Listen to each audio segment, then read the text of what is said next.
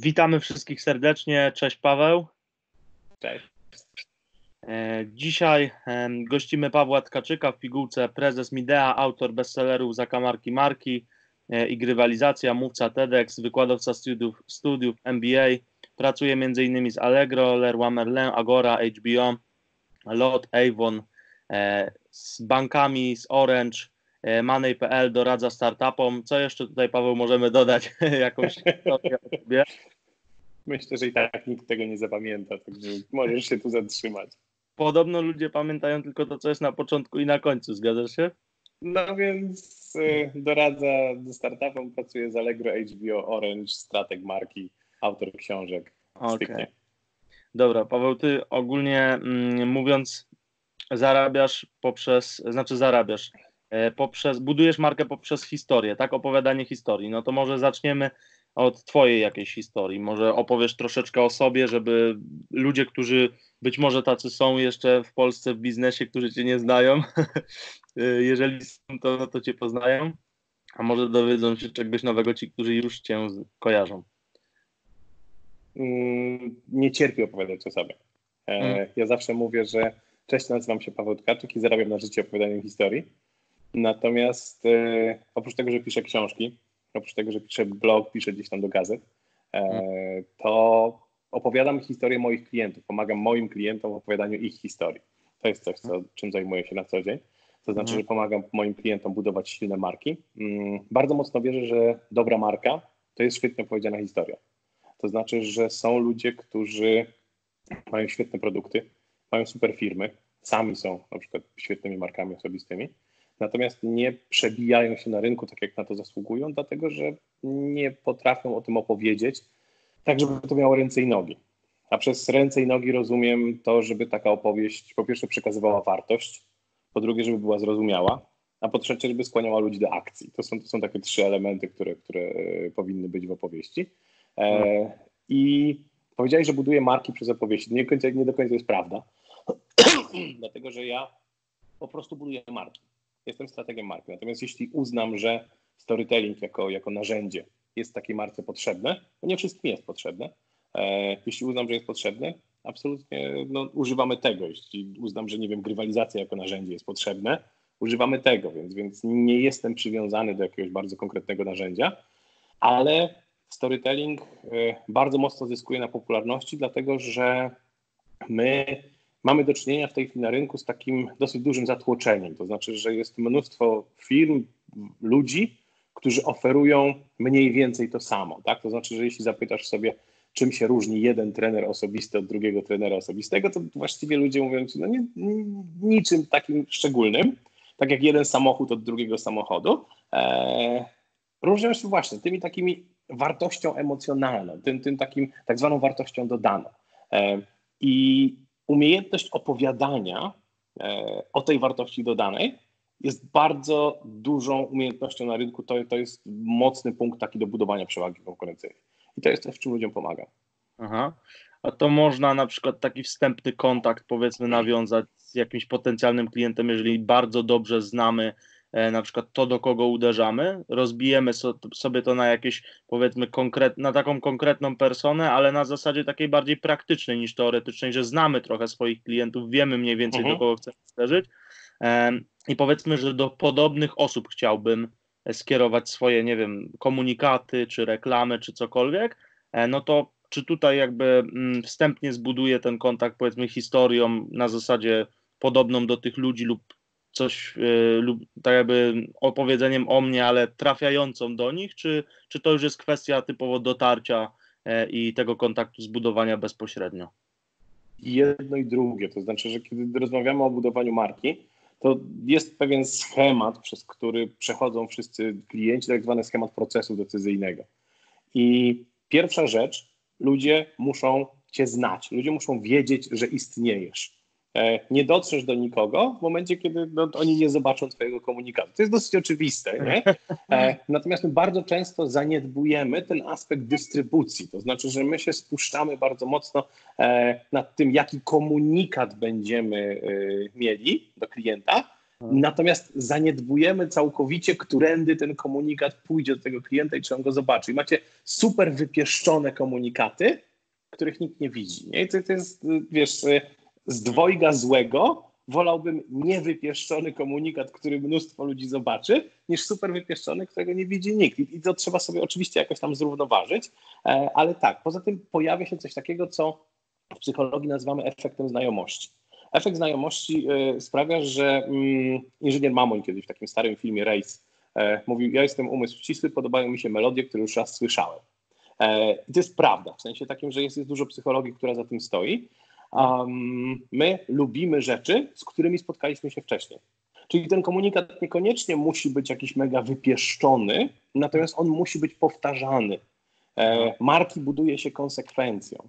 Więc, więc y, tutaj odpowiadając na Twoje pytanie, jasne, że trzeba pomyśleć nad komunikatem, ale w momencie, kiedy zaniedbasz dystrybucję, no to właściwie głupiego robota. Puszczanie oczka do dziewczyny w ciemnym pokoju. O właśnie, bardzo dobra metafora, nie? Ale powiedz mi, masz jakąś swoją teorię na temat tego, ile razy powinien ten komunikat trafić? Bo to oczywiście zależy, no to wiadomo, że nie da się tego tak określić, ale powiedzmy, że gdzieś tam ja chociażby pokusząc się o swoje doświadczenia, mm, widzę, że no kilka razy ktoś musi, kilkanaście razy ktoś musi zobaczyć to w ogóle, e, żeby czy kliknął, czy też nawet kupił. Zależy to już jakby od produktu i tak dalej. To nie jest kwestia ile razy, natomiast to jest kwestia pewnej struktury. To znaczy, że te komunikaty, one muszą przejść przez kilka etapów. I teraz pierwszy etap to jest po prostu tak zwana świadomość e, spontaniczna marki, czyli po prostu przedstawienie dzisiaj, tak? Jakby idę, idziesz sobie przez swojego Facebooka, mówię, cześć, jestem Paweł Tkaczyk. I nic od ciebie nie chcę, nie chcę ci niczego sprzedać, po prostu się, wiesz, scrolluj dalej, cześć, jestem Paweł Tkaczyk. Zobaczyłeś mordę, zobaczyłeś koszulkę z Batmanem, scrolluj dalej. Co się dzieje? E, następna rzecz, następna, i teraz kilka takich powtórzeń przygotowuje cię do następnego etapu. Następny etap nazywa się przypisanie do kategorii. Bo teraz e, Paweł Tkaczyk może e, pomóc ci zbudować markę, ale Paweł Tkaczyk może być trenerem personalnym, Paweł Tkaczyk może ci oferować ubezpieczenie na życie, albo, nie wiem, rozśmieszanie na urodzinach twojej córki, nie? E, I przypisanie do kategorii jest bardzo ważne, czyli następnym razem scrollujesz sobie tego Facebooka, widzisz znajomą koszulkę, mówisz, ja jestem gościem, który pomoże ci wybudować markę. Jak będziesz potrzebował, przyjdź do mnie. Nie, mhm. nie sprzedam ci samochodu, nie ubezpieczę cię na życie, nie odchudzę cię, natomiast jak będziesz potrzebował budować markę, to, to jest drugi etap. I znowu, jakby musisz to przygotować. E, dobre marki, również osobiste, to są marki, które są przypisane do kategorii. To znaczy, że ja nie wiem, jak myślę sobie marka Magda Gessler, to nie myślę odchudzanie, wprost przeciwnie myślę jedzenie, natomiast z drugiej strony myślę Ewa Chodakowska, myślę odchudzanie, tak, a nie myślę jedzenie, więc, więc e, jakby e, to są dwie babki, dwie marki osobiste, ale, ale to, tak to wygląda. E, trzecia kategoria to jest taka bardzo często zaniedbywana kategoria, dlatego że ona się nazywa lubienie. E, to znaczy, że jest dużo większe prawdopodobieństwo, że kupisz ode mnie usługę w momencie, kiedy mnie lubisz. I teraz, jeśli ja mówię tak, żebyś ty się uśmiechał, e, nie wiem, przekazuję ten komunikat nie w formie sztywnej z kijem w D i tak dalej, tylko, tylko żebyś się uśmiechał, e, no to okej, okay, jest większe prawdopodobieństwo, że zagadasz do mnie, niż kiedy ja jestem jakimś tam sztywniakiem i, i ten, więc, więc to. Czwarty etap nazywa się budowanie wartości. To jest ten moment, kiedy ja już mam ciebie jako klienta, który wiesz, że istnieje, wiesz, do czego ci się przydam i mnie lubisz. Ja w tym momencie mówię, skorzystaj z moich usług, a nie kogoś innego, bo i to jest ta oferta wartości. Pokazuje ci tak naprawdę różne rzeczy związane z wartością. E, no i ostatni etap tego, tego, wszystkiego, znaczy ostatni, przedostatni, zależy jak konstruujesz kampanię, ale ostatni etap nazywa się call to action, czyli to kup. Dopiero wtedy. Nie? Czyli, czyli masz człowieka, który wie, że istniejesz, wie, czym się zajmujesz, lubi cię, rozumie cię i dopiero wtedy możesz powiedzieć kup ode mnie, mhm. a, bo wcześniej, jak do obcego człowieka podchodzisz, mówisz kup ode mnie, to mówi stary, nie znam cię, nie wiem, co mam od ciebie kupić, to bez sensu, nie? E, ja się spotykam na przykład z takimi kampaniami reklamowymi na Facebooku, ja scrolluję Facebooka i obcy człowiek wyświetla mi się i kup ode mnie. Ja mówię, stary, no naprawdę, za wcześnie, nie na pierwszej randce, nie? E, no. Więc to. E, I ostatni etap kampanii, to jest etap kampanii e, jakby kierowany do ludzi, którzy już kupili od ciebie i oni już na przykład nie kupią, tak? bo, bo oni kupili telewizor i następnego już nie kupią, bo nie potrzebują. Natomiast e, jest call to action, który mówi zarekomenduj mnie. Budowanie tego silnika rekomendacyjnego i budowanie tego jest bardzo, bardzo ważnym etapem konstruowania w ogóle marki. Więc e, nie ma jakiegoś takiego jednego kawałka szybkiego, gdzie, gdzie możesz to zrobić. E, nie ma też takiej odpowiedzi na pytanie, ile razy powinien klient to zobaczyć, mhm. ale klient powinien przejść przez te wszystkie etapy, o których powiedziałem.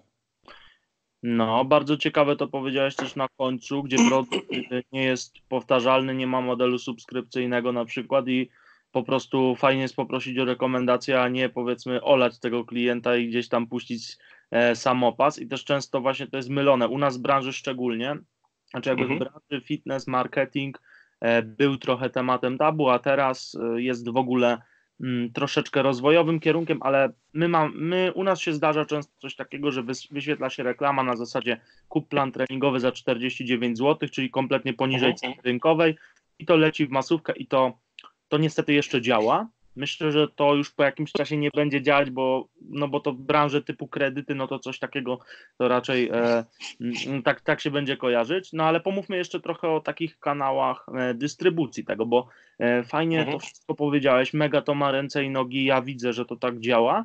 E, to z tymi rekomendacjami fajna taka nowa rzecz, nawet ja na to szczerze mówiąc gdzieś tam nie, nie, przy, nie przykładałem do tego gdzieś tam wagi dłużej. Mhm. E, I, i, I co chciałem powiedzieć? Kanały dystrybucji, czyli na przykład, bo na Facebooku można sobie skierować taki lookalike, tą reklamę do osób, które coś tam wi już widziały i typu przedstawić chociażby filmik w drugim, że słuchaj, widziałeś już jeden, więc tutaj oglądasz drugi, no i to jest gdzieś tam coś tam fajnego, ciekawego jeszcze. póki nikt tego każdy nie robi, ale powiedzmy gdzieś w jakichś innych kanałach, gdzie można było to, byłoby to umieścić, taką ścieżkę, czy nie wiem, czy w offline to widzisz jakoś, bo, bo może ktoś mógłby sobie to po prostu wyciągnąć dla siebie i nie wiem, spróbować chociaż, a jeżeli by mu nie do końca wyszło, to by się do ciebie zgłosił.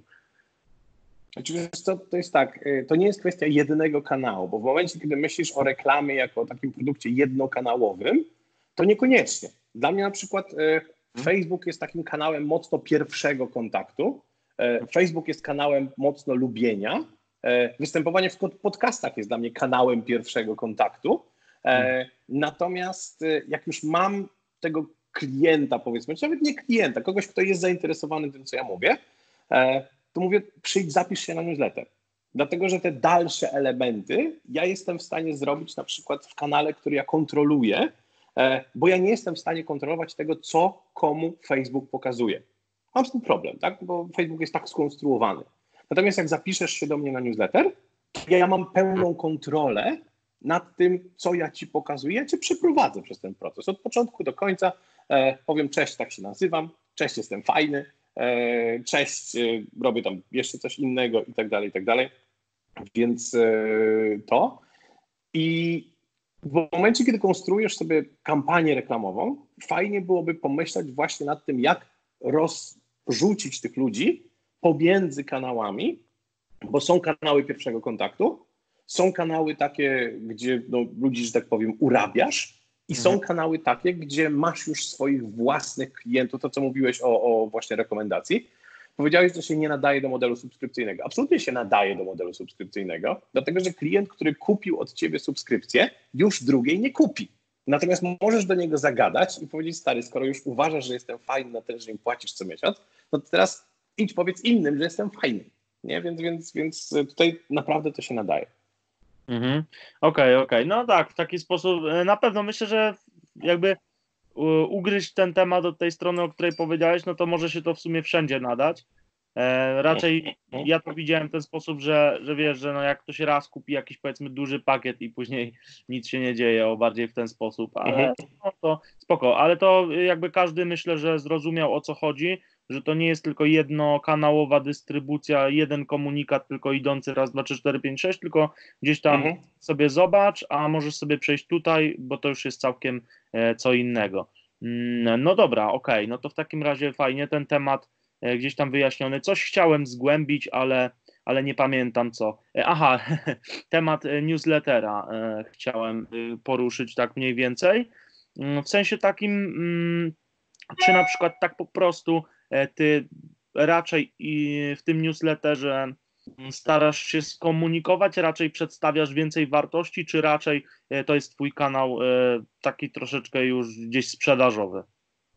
Czy mm, wszystko ja praktycznie nie sprzedaję przez newsletter. To znaczy, y, ja w ogóle nie sprzedaję w sposób taki, widzisz, różnica między tym, co ja sprzedaję, a sprzedawaniem chipsów na przykład, czy nawet wyobrażam sobie mm, treningu personalnego, polega na tym, że klient ode mnie kupuje nie wtedy, kiedy ja chcę sprzedać, tylko on kupuje wtedy, kiedy on chce kupić. I ja nie mam na to żadnego wpływu. E, to są dosyć specyficzne produkty, dlatego że no jeśli e, potrzebujesz strategii marki, no to potrzebujesz mieć firmę, potrzebujesz e, rozumieć marketing i tak dalej, i tak dalej. I jeśli ja ci powiem kup dzisiaj, bo jest 20% nie wiem, promocja czy cokolwiek innego, to jest większość ludzi, którzy nie potrzebują tego i ode mnie nie kupią, więc, więc ja nie uprawiam sprzedaży jako takiej. No. Tutaj strategia w przypadku takich produktów nazywa się bądź.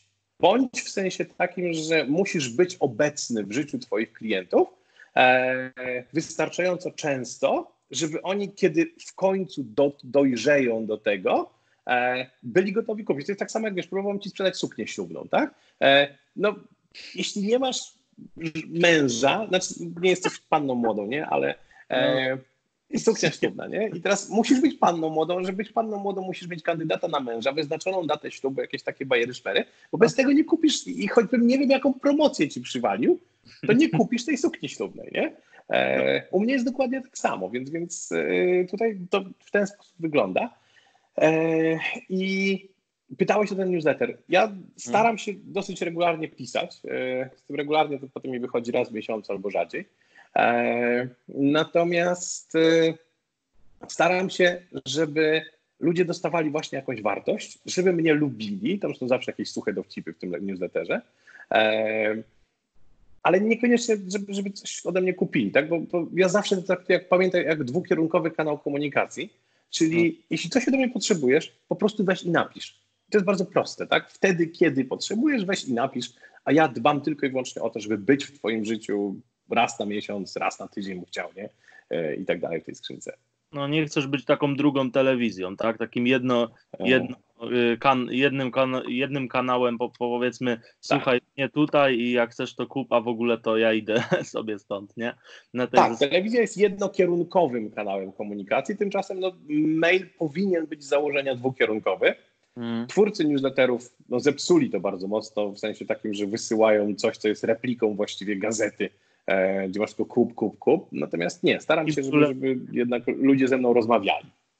A właściwie to chyba e, streściłeś taką definicję marki trochę, albo chociaż jej taki, taką część, no bo klienci faktycznie, jeżeli ty masz dobrze zbudowaną tą markę, taką rozpoznawalną, czy dobrze zbudowaną w danym środowisku, to oni się po prostu do ciebie zgłaszają, a nie do kogoś innego, a nie, że ty po tak. prostu ich sprzedajesz. To jest takie, to jest takie chyba korowe w ogóle w tym wszystkim.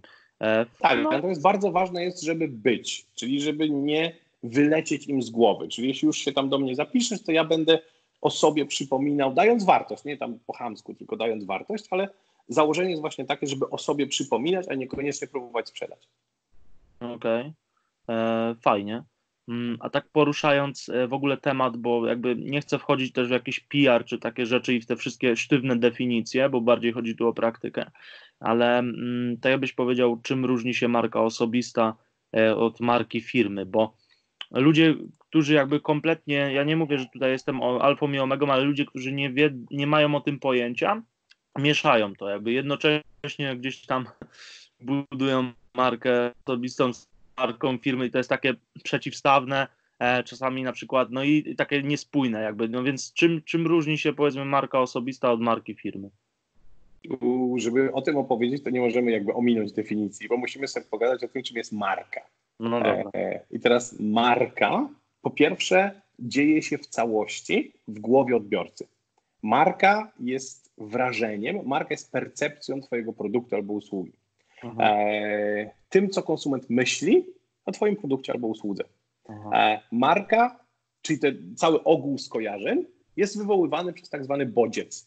Bodźcem może być logo, nazwa e, i tak dalej. Czyli zobacz, bodźcem jest Ewa Chodakowska bodźcem jest, nie wiem, twarz Jurka Owsiaka, nie? I, i, i tak dalej, i tak dalej. E, I teraz bodziec plus zespół skojarzeń to jest marka. Pytałeś, czym różni się marka osobista od marki firmowej? Na poziomie zespołu skojarzeń niczym, dlatego że ja mogę mieć skojarzenia, że nie wiem, dasz mi zdrow, zdrowie, dobrą sylwetkę i tak dalej, i tak dalej. E, natomiast pytanie, co jest po drugiej stronie, czyli bodziec, tak? Bo, bo y, ten, mm, nie wiem, ten, tę potrzebę może mi zaspokoić albo CityFit, albo Ewa Chodakowska.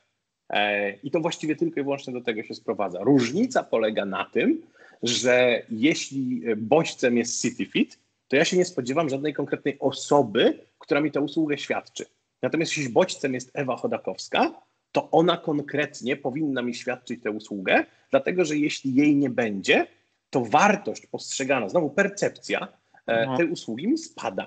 To jest tak, jak idę do szkoły tańca Kasi Cichopek i spodziewam się spotkać Kasię Cichopek, bo jak jej nie spotkam, to mówię, kurde blade, no nie fajnie, no bo spodziewałem, po to poszedłem do Kasi Cichopek, żeby spotkać Kasię Cichopek, nie? E, I problem, jest... o którym mówisz, problem, o którym mówisz, czyli, czyli ci ludzie, którzy budują swoje, mieszają markę osobistą z marką firmową, e, to jest problem, który zaczyna się właśnie w momencie, kiedy skalujesz swój biznes, czyli wybudowałeś swój biznes na ja, Paweł Tkaczyk, e, natomiast no, masz już kalendarz wypełniony po czubek i musisz oddać to komuś, e, zatrudniasz pierwszą osobę do, do świadczenia tych usług i ludzie, którzy dostają y, usługę od twojego pracownika, ucznia, czeladnika, jak zwał, tak zwał, e, są mniej zadowoleni, dlatego że kurczę blade, nie? Natomiast gdybyś od początku budował, że to jest City Fit, E, no to ludzie mają gdzieś właściwie, kto tam na recepcji jest y, i tak dalej, i tak dalej. Przynajmniej jakby przed pierwszym kontaktem, kiedy myślą o marce jako takiej, nie? Mhm. Więc rozwiązaniem tego problemu jest e, stworzenie takiej warstwy pośredniej między marką osobistą a marką firmową, metodologia, tak? Mhm. Szkoła tańca metodą Kasi Cichopek, i się okazuje, że ja jej nie muszę spotkać osobiście, natomiast no, uważam, że jest to równie dobre. Tak? Ewa Chodakowska i jej metoda, a potem jakby możesz sobie z tego robić franczyzę i różne cudawiaki. Bardzo fajnie to, bardzo fajnie powiedziane, e, bo no faktycznie tak jest. Myślę, że właśnie jeżeli chodzi o chociażby szkołę tańca, tak jakby było, no to faktycznie ktoś tam się spodziewa tej Kasi Cichopek, czy tam Meguroli, czy mhm. kogokolwiek, no ale czasami też sam prestiż tego miejsca może sobie ktoś powiedzieć, a ja trenuję w tym miejscu, to jest nieważne kto tam uczy, ale no to też jest gdzieś tam taki, taki poboczny wątek, nie? Ale w przypadku, kiedy... Czy nie do końca, no bo zobacz, jak, jak się pochwalisz, a ja się uczę w szkole Kasi Cichopek mhm. i potem twój znajomy pyta, i co, widziałeś Kasi Cichopek? To głupio ci odpowiedzieć, że nie. Nie? No nie, nie, ale... No, i cały prestiż jakby legnie w gruzach. No, no. Ale jest taka podobna też Kasia. No. no. Y, wiesz co, a w przypadku na przykład twarzy y, firmy, czyli powiedzmy, my to ciekawi, bo ja zrobiłem coś takiego, że w jednym, w jednym jakby wszystko w fitnessie, ale w jednym aspekcie e, marka osobista, w drugim marka firmy e, i jakby nie chciałem za bardzo tego łączyć, ale okazało się tak szczerze mówiąc, tutaj na wizji wszystkim, że jakby trochę jestem twarzą tej swojej firmy. Nie mhm. do końca tak jest, ponieważ e, czasami jakieś, znaczy czasami też jakieś szkolenie prowadzi ktoś inny, nie ja, mhm. tylko, bo ponieważ na przykład nie znam się na fizjoterapii, więc prowadzi to doktor fizjoterapii, tak, więc, mhm. ale ktoś tam się kojarzy, że to się odbyło u nas, tak, e, z, mhm. tym, że no, z tym, że to jednak i tak gdzieś jestem, e, powiedzmy, twarzą tego, no może nie jak, nie wiem, ten ludzik z Danonków, ale coś w ten deseń, tak się czuję, e, więc nie wiem, no jak, jak to wygląda, bo nie wiem, czy to jest, czy to jest dobre, czy nie, czy, czy w pewnych tylko przypadkach. E, to jest naturalne, to znaczy, że ludzie mają tendencję do nawiązywania relacji z innymi ludźmi. E, I małe firmy bardzo często idą na łatwiochę. To jest troszeczkę pójście na łatwiznę i budują markę osobistą i na tej marce budują, bo taka marka osobista dostaje na samym początku działalności dosyć dużą premię, jeśli chodzi o łatwość budowania relacji. Mhm. Problem zaczyna się, kiedy skalujesz firmę i potrzebujesz zatrudnić drugiego, trzeciego, piątego pracownika, którzy już nie są tobą. E, no bo wyobraź sobie na przykład, że marka McDonald's jest, jest budowana na osobistej relacji z właścicielem. No tego właściciela nigdy tam nie było, nie będzie i tak dalej. I e, firmy, które się skalują, zdają sobie sprawę z tego, że trzeba aktywnie walczyć z tym takim naturalnym trendem do budowania relacji z drugim człowiekiem, e, bo inaczej nie da się skalować. Więc z jednej strony musisz sobie odpowiedzieć na pytanie, tak? Jak dużą firmę budujesz? No bo jeśli to będziesz ty i ewentualnie twój pomagier czy inna asystentka, e, no. Oko możesz budować na, na tym, na no e, tak. marce osobistej. Natomiast jeśli planujesz franczyzę w każdym tak. większym mieście Polski, nie ma szans, żeby to zrobić tylko i wyłącznie na podstawie Twojej marki osobistej, to nie pójdzie. E, właśnie chciałem zapytać o model franczyzowy, bo to, to się fajnie sprawdza właśnie w modelu franczyzowym, kiedy ta relacja jest może nie, że ucinana, no ale dobra, powiedzmy tak ucinana, o. E, I, I to się wtedy skaluje, no bo w sumie nieważne, kto tam uczy w tym kierunek trener, my wiemy, że oni mają dobrą jakość, więc czy tam uczy Janusz czy Marlena, no to to nie jest takie też istotne, nie? Chociaż no tak jak mówię, no tak to się zaczęło gdzieś tam troszeczkę E, troszeczkę świadomie, tak jak powiedziałeś, bo to jest duża e, premia na pewno, bo jest po prostu prościej. Firmy, które nie mają twarzy, no to e, a, są, a nie są takimi McDonaldami, no to chyba mają trudniej, nie? Mhm. No, jakbyś ty teraz założył jakąś firmę w obszarze biznesu, domyślam się, że, że miałbyś w obszarze tego biznesu, który tam robi, no to domyślam się, że miałbyś dużo prościej niż większość, nie? nie do końca rozumiem. Znaczy miałbyś dużo e, prościej ją wypromować, powiedzmy więcej osób by się do ciebie zgłosiło niż do jakiegoś na przykład Piotrka, który e, też zajmuje się powiedzmy budowaniem marki, tak? Na mm, zasadzie... Tak, natomiast gdybym planował tę firmę w taki sposób, że ona ma e, mieć oddział w każdym mieście, to na mhm. pewno nie planowałbym jej na mojej marce osobistej. Niezależnie od tego, że mam tę łatwość, okay. świadomość tego, że klient będzie zawiedziony, E, planowałbym ją, robiąc to, co Ci powiedziałem, tak? To znaczy planowałbym ją, e, mówiąc, to jest metoda Pawła Tkaczyka i tutaj jest agencja jedna, druga, trzecia, e, która świadczy usługi metodą Pawła Tkaczyka i w tym momencie nie musisz mnie bezpośrednio widzieć, ale metoda już, już daje jakąś, jakąś wiarygodność. Takim procesem, taka książeczka. Mhm, dokładnie tak. tak nie? Ja się podpisuję na książeczce, a niekoniecznie podpisuję się na spotkaniu z każdym konkretnym klientem. No tak, bo to też by było takie uciążliwe, męczące i zero skalowania tam. No fajnie, mhm. fajnie wiedziałeś, super, e, wyjaśnione, e, ja wiem, wszyscy wiedzą, e, a powiedz mi, mm, czy w dzisiejszych czasach, bo też jak mówimy trochę o tej łatwości, czy markę budujemy jedynie w social mediach? Nie, no Boże, nie. Eee, no. W ogóle uważam, że myślenie o tym, że social media stanowią większość naszego świata, e, jest no, nieprawdziwe, tak? Absolutnie nieprawdziwe. Ja nie spędzam większości dnia, życia i tak dalej w mediach społecznościowych, tak? E, pewnie są tacy ludzie, jakoś tam uzależnieni od telefonu, ale umówmy się, dla większości ludzi istnieje świat za firewallem. E, I my ulegamy pewnej iluzji, bo my tego świata nie widzimy, ale nawet, wiesz, jak coś mega influencerzy instagramowi, oni mhm. planują swoje posty, a potem idą się bawić z dziećmi. Eee, I my nie widzimy, jak oni się bawią z dziećmi, ale widzimy ich zaplanowane posty. Eee, I mówimy, kurczę, bado, oni muszą całe życie spędzać na, na Instagramie. Więc nie, jest, jest mnóstwo miejsc, w których my ulegamy wpływom. No bo zobacz, ja jeżdżę samochodem, widzę billboardy na mieście, czytam gazety, tak? Eee, oglądam filmy, chodzę do kina to wszystko nie są social media, e, a ulegam tam wpływom, e, więc jasne, że na początku może ci się wydawać, że to jest wszystko. Nie jest. E, jasne, że na początku może być tak, że to jest najbardziej efektywne, jeśli chodzi o koszty dotarcia do masowych ludzi. Może tak być. Tylko, że wiesz, jeśli masz fanpage, który dociera do 500 osób, no to come on, jakby to nie jest jakieś y, super, hiper, mega dotarcie. Teraz sobie zdaję sprawę z tego, że mogę tam, nie wiem, pogniewa się kilka osób, które y, włożyły dużo wysiłku, żeby te 500 osób zgromadzić. E, no. Ale umówmy się, jeśli ja bym chciał dotrzeć do 500 osób, to bym kupił sobie reklamę w kinie. I miałbym po jednym dniu właściwie tyle zrobione, ile, yy, wiesz, yy, gromadzenie tego konta na Instagramie i tak dalej, i tak dalej pytam właśnie, bo e, jeden aspekt to jest takim często problemem, nie wiem jak ty się na to zapatrujesz, że właśnie ludzie są e, bardzo zapatrzeni w te social media i czasem pytasz kogoś, po co robisz Instagrama czy Facebooka 3 lata? No dla klientów. Ile ich pozyskałeś? Zero. Też tak e, często się zdarza, że to jest po prostu taka iluzja i też jak promujemy jakieś większe wydarzenia, to internet to jest taki mały procent, mhm. a reszta to są mówisz, to są jakieś reklamy, czy jeżdżące, czy to kino, mhm. e, czy cokolwiek. No masa tam innych rzeczy wchodzi w to, e, ale no e, fajnie. Mm, to, co powiedziałeś o tych planowanych postach, to jest też spoko, tylko mm, nie wiem, czy to jest takie też powiedzmy prawdziwe, bo teraz widzę taki trend troszeczkę, jeśli mówimy o jakichś social mediach tych bardziej takich uczęszczanych, do takich stories i zauważyłem, mhm. że to fajnie działa, fajnie buduje relacje.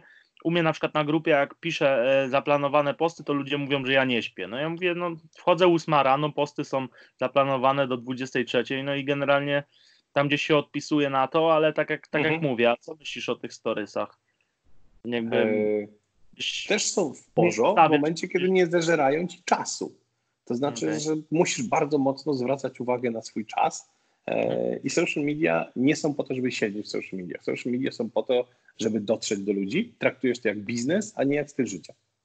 Okej, okay, a jeśli mówimy o budowaniu marki na przykład, to bardziej E, bo tutaj jest, może się to kojarzyć z pewną kreacją, a mhm. ja obrałem taki trochę kierunek osobiście e, dokumentowania rzeczy, które robię. Czyli jeżeli mhm. ja coś wrzucam, to to jest generalnie, patrz, ja teraz robię, no teraz nie wrzuciłem, ale patrz, ja teraz robię e, podcast, jest Paweł Tkaczyk, rozmawiamy, bardziej niż powiedzmy takie zaplanowane gdzieś tam bardzo działania. Wiem, jaki to ma mieć wydźwięk, powiedzmy, że dzisiaj pracuję nad planem treningowym dla kogoś tam, E, ale no gdzieś tak tą, tą drogą idę, to nie wiem, co o tym jakby sądzisz. No jest to spoko, znaczy powiem tak, zasada jest bardzo prosta, e, nie ma jednej zasady. Rób więcej tego, co działa, rób mniej tego, co nie działa. E, jeśli twój tłum, twoja widownia docenia taki sposób prowadzenia, nie ma z tym żadnego problemu. Jeśli, nie wiem, doceniają bardziej to, że nie wiem, pokazujesz wartość, no to też jakby nie mam z tym problemu. Są takie widownie, które mają gdzieś wartość, natomiast chcą oglądać selfiaczki tylko i wyłącznie i też nie mam z tym żadnego problemu, tak? Także musisz po prostu znać swoją widownię i wiedzieć, czego oni się spodziewają i dawać im to i ewentualnie próbować ich sterować w tym kierunku, w którym chcesz, żeby oni poszli. E, Okej, okay. a jak w ogóle mówimy o takim temacie, czy mm, że okej, okay Zapytam tak, czy musimy mieć strategię na swoje działania jako marka? Hmm, musimy mieć wyznaczony kierunek. E, musimy mieć wyznaczone metody mierzenia tego, czy zbliżamy się do hmm. tego wyznaczonego punktu, czy nie. E, natomiast strategia jako spisany dokument, taki gruby i tak dalej, niekoniecznie. Okej, okay, okej. Okay. Chodzi e... o to, żebyś na koniec dnia wiedział, czy jesteś bliżej swojego celu, czy nie. I żeby to się zadziało, musisz mieć cel i po drugie musisz jakby mieć metody mierzenia, czy się do niego zbierzesz i tyle. Super. E, no ja osobiście mam taką po prostu tabelkę. Tyle, uh mhm. -huh. tak, 0 na 5 uh -huh. Czynność. Ale jakby gdy mamy powiedzmy trenera personalnego, bo tak się uczepimy tego, ponieważ no -huh. wiem, że wiem, że dużo ich słucha e, nas.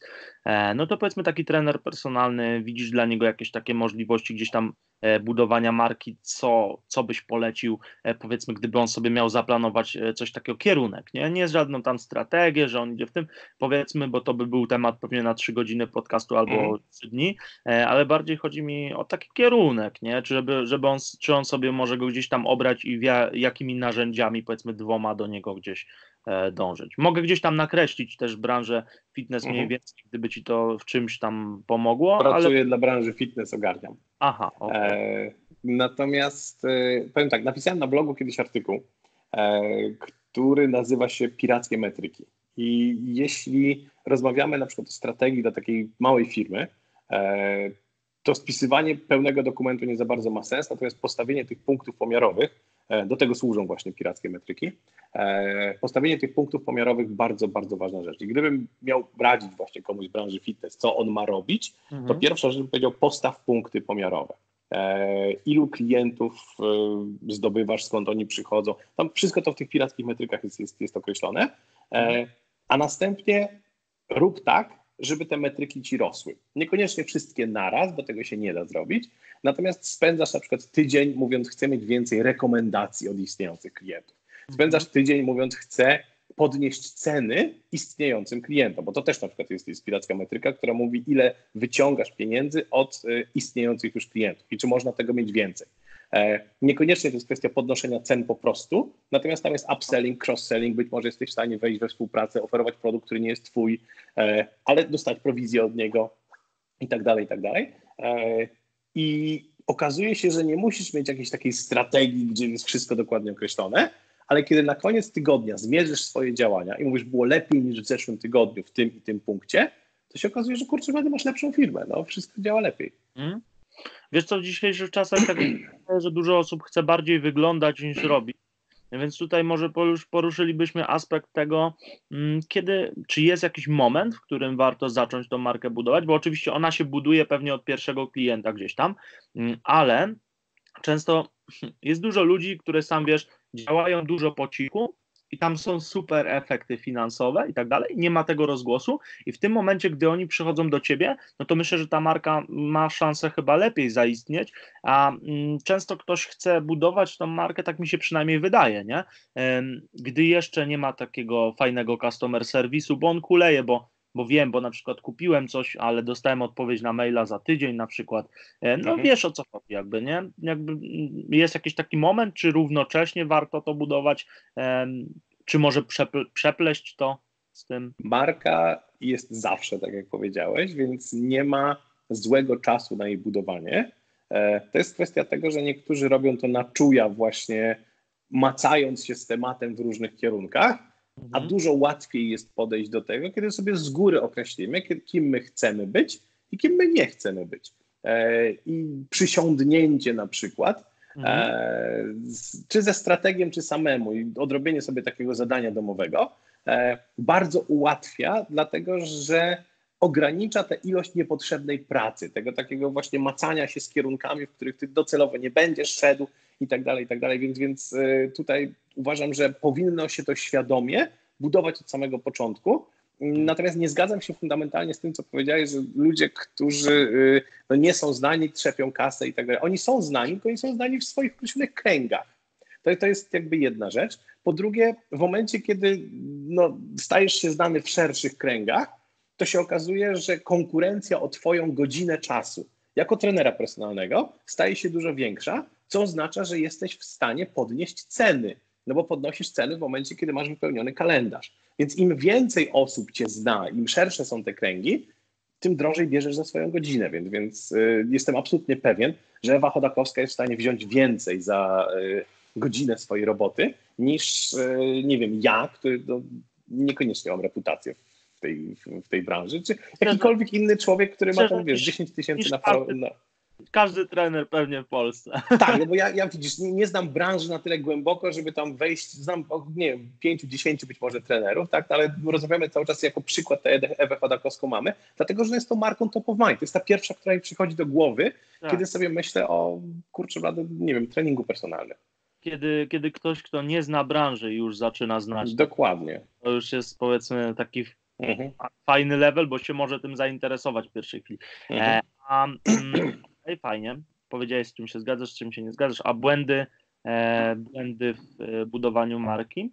Szerokie pojęcie, ja wiem, że ty. Znaczy, masz... Wiesz co, jest jeden. Mówię, bardzo często ludzie o to pytają, ja, ja wymieniam tylko jeden. Niemierzenie. To no. znaczy, że e, tak jak nie ma jednej metody budowania marki, dla każdej grupy ona jest inna, e, tak nie ma błędów karygodnych, natomiast błędem karygodnym jest robienie czegoś, e, czego ludzie nie chcą. E, co nie działa. I zasada taka ogólna jest mega prosta. Ona brzmi: rób więcej tego, co działa, rób mniej tego, co nie działa. Natomiast w momencie, kiedy nie mierzysz, co działa, co nie działa, nie jesteś w stanie jej stosować. To jest najbardziej karygodny błąd. Czyli robisz coś, czyli dziubiesz tego Facebooka i tak dalej, ale albo nie mierzysz w ogóle, albo masz błędne punkty pomiaru, takie, które nie przekładają się na twój biznes. Czyli jakby dziubiesz tego Facebooka, to się nie przekłada na biznes. E, co też jest dosyć karygodne i to jest, to jest coś takiego, co zawsze mi nóż kieszeni otwiera. Chyba po, porzuciliśmy te e, marzenia ludzi, którzy o tej marce myśleli jako takich kolorowych chmurach, bo tu KPI wchodzi twardy, wiedza biznes. Nie, to jest, to jest absolutnie to jest twarde mierzenie. To nie jest takie, taka fluffy wiedza. To znaczy, marketerzy wymyślili, że nie da się mierzyć, dlatego że to łatwiej pracuje się dużo. E, w momencie, kiedy masz nad sobą szefa, który wierzy, że nie da się zmierzyć tego, co robisz.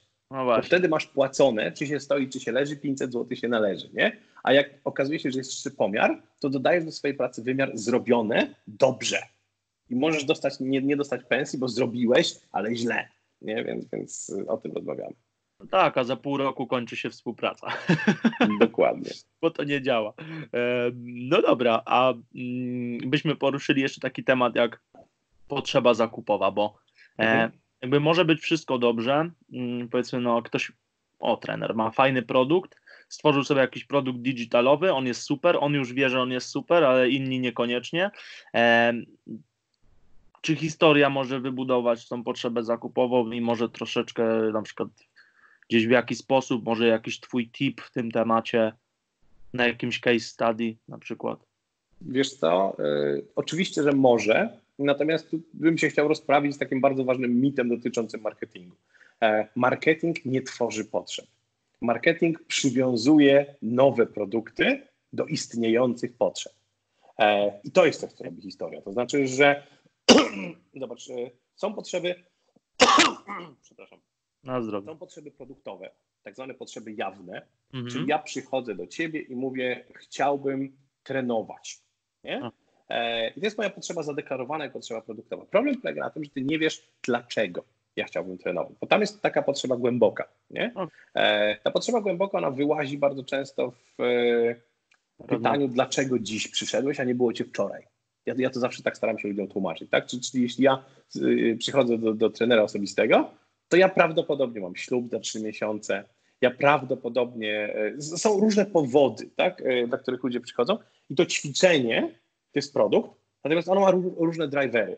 I dużo łatwiej opowiada się, znaczy inaczej, dużo bardziej kopie tyłek, jeśli chodzi o sprzedaż, opowieść o driverze, osiągniesz sukces towarzyski, będziesz wyglądał super w, w garniturze czy fraku na swój ślub e, i tak dalej, mhm. niż opowieść o tym, jaki dobry jesteś jako trener i tak dalej, i tak dalej. Więc, więc e, tutaj e, te potrzeby no, są ludzkie, one, są, one wynikają z takich naszych najbardziej podstawowych e, właśnie pragnień i dobra opowieść łączy produkt, który oferujesz z potrzebą, którą wiadomo, że ludzie mają. Mhm. Okej, okay, okej, okay, fajnie powiedziane. Ja zawsze też e, mówię, że pierwsza potrzeba to ta dobrze brzmi, znaczy nie, pierwszy powód to ten dobrze brzmiący, a mhm. później dopiero w trakcie to, to gdzieś tam wychodzi, że no jednak iście na plażę to no, chyba mhm. bardziej niż, niż te 5 kilo. Um, a troszeczkę może, fajnie, fajnie, może troszeczkę o narzędziach, bo powiedziałeś, że e, historia jest y, oczywiście narzędziem, którego nie zawsze trzeba użyć. Może opowiedziałbyś y, tak E, w pigułce o jakimś e, innym narzędziu lub o jakichś innych narzędziach po prostu, które ty gdzieś tam e, albo stosujesz, albo widzisz w nich potencjał. Opowiadaliśmy o tym, opowiadaliśmy o, o tym schemacie procesu decyzyjnego, tak? czyli reklamy, które budują świadomość wspomaganą, świadomość spontaniczną, tam nie ma miejsca na historię. Mhm. E, to jest taka reklama, gdzie ja się, no, mówiliśmy o tym, że ja scrolluję się przez swojego Facebooka i cześć, jestem Paweł Tkaczyk. Nie ma w tym żadnej historii. Jestem Paweł Tkaczyk, pomagam Ci w budowaniu marki. O, tak? E, zapisz się na newsletter. I, i, i to właściwie do, do, tego się sprowadza. Także. Okay. E, Odpowiedziałeś i, wcześniej na to. Jak tak, tak, więc właśnie o to mi chodzi, że, że storytelling przydaje się w momencie, kiedy masz produkt, który się absolutnie nie różni od innych. I ja muszę zrozumieć różnicę, na przykład, albo nawet nie zrozumieć, ale poczuć różnicę na poziomie emocjonalnym. Pójdę do ciebie jako do trenera osobistego, a nie do Kamili, która tam też mi się skroluje przez Facebooka, bo cię kuna bardziej lubię. I tyle. I to jest, to jest całe uzasadnienie mojej decyzji. Ceny są te same, ale po prostu, nie wiem, ty sprawiłeś, że ja się uśmiechnąłem, a Kamila Kuna nie. Eee, i, i, I tyle. Nie? Coś w tym jest na pewno. Na, na, na to, e, osobowość też myślę, że bardzo przyciąga chociażby, nie wiem, w Twoim przypadku humor, którego wielu osobom brakuje, ponieważ chcą być na siłę tacy troszeczkę profesjonalni. Nie dość, że nie stoi za tym jakaś tam większa wartość, która zaskakuje ludzi, którzy już się na tym znają, no to jeszcze, no to jeszcze jest to sztywne. Okej, okay, a takie pojęcie grywalizacja, może troszeczkę byśmy to e, poruszyli, przybliżyli, bo to jest też fajny temat. E, mhm. Ktoś, kto mówi, że się na to nie łapie, no to kłamie. ja się to łapię prawda. zdecydowanie, bo, bo jakbyśmy powiedzieli, może nie mam e, zdrapek z Biedronki, czy, czy jakiś tam mhm. stacji benzynowych, ale jednak lubię budować, widzieć, że mam na tym pasku dalej niż wcześniej mhm. na, na zielono i tak dalej. No, coś może o tym. Grywalizacja, marki. No. no. Grywalizacja to jest zastosowanie reguł znanych z gier i psychologii behawioralnej do modyfikacji zachowań ludzi poza kontekstem grania. Czyli ja też mówię o, o wstrzykiwaniu frajdy, czyli sprawienie frajdy w czynnościach, w których normalnie frajdy nie sprawiają. Czyli właśnie trening, rehabilitacja, chodzenie do pracy, oszczędzanie na emeryturę. To są wszystko rzeczy, które nie sprawiają frajdy. E, I grywalizacja sprawia, że właśnie e, nasz mózg dostaje ten zastrzyk dopaminy. E, grywalizacja jest narzędziem, które nadaje się do wstrzykiwania frajdy w nudne i powtarzalne czynności. Tylko jedną rzecz trzeba pamiętać, grywalizacja jest narzędziem, tylko i wyłącznie. Można grywalizować wszystko, wszystko w sensie takim, że bardzo często, na przykład kiedy pracuję z firmami na temat grywalizacji, to pierwsze pytanie jest takie, co my chcemy sprawić, żeby ludzie powtarzali częściej i chętniej. E, bo w momencie, kiedy tego nie określimy i my sobie no, zgrywalizujemy zły proces, to ludzie nadal będą powtarzać częściej i chętniej, tylko złą czynność, nie? Więc, więc e, to do tego się sprowadza. Ale to nie jest czynność zakupowa. Mówisz o jakimś takim markerze typu e, zbieranie gwiazdeczek, zrobienie codziennie nie. jednego kursu, czy jak? Nie.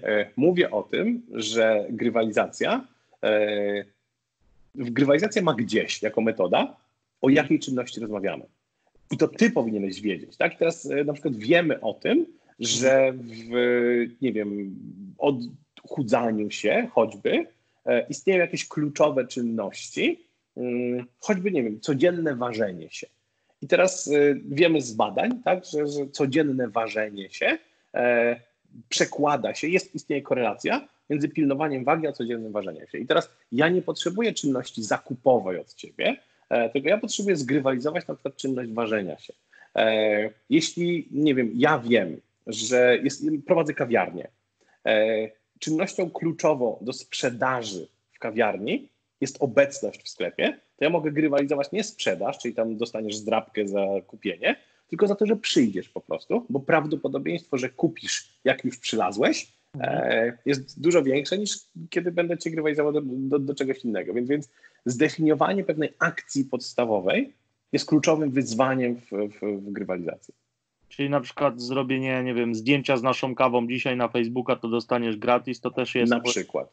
Mhm, dobra, okej. Okay. Okej, okay. E, spoko, fajnie. No to powiedziałeś o tej grywalizacji, oczywiście też nie, tam podlinkujemy, bo o tym napisałeś książkę i to jest temat fajny, który wiele osób może mhm. wykorzystać na pewno mm, w swojej firmie, w swojej pracy i myślę, że większość tych rzeczy e, bardzo wartościowy podcast, także dzięki Ci za rozmowę wielkie mm, i żegnamy się. Dzięki za słuchanie. Hej. Dzięki wielkie. Na razie.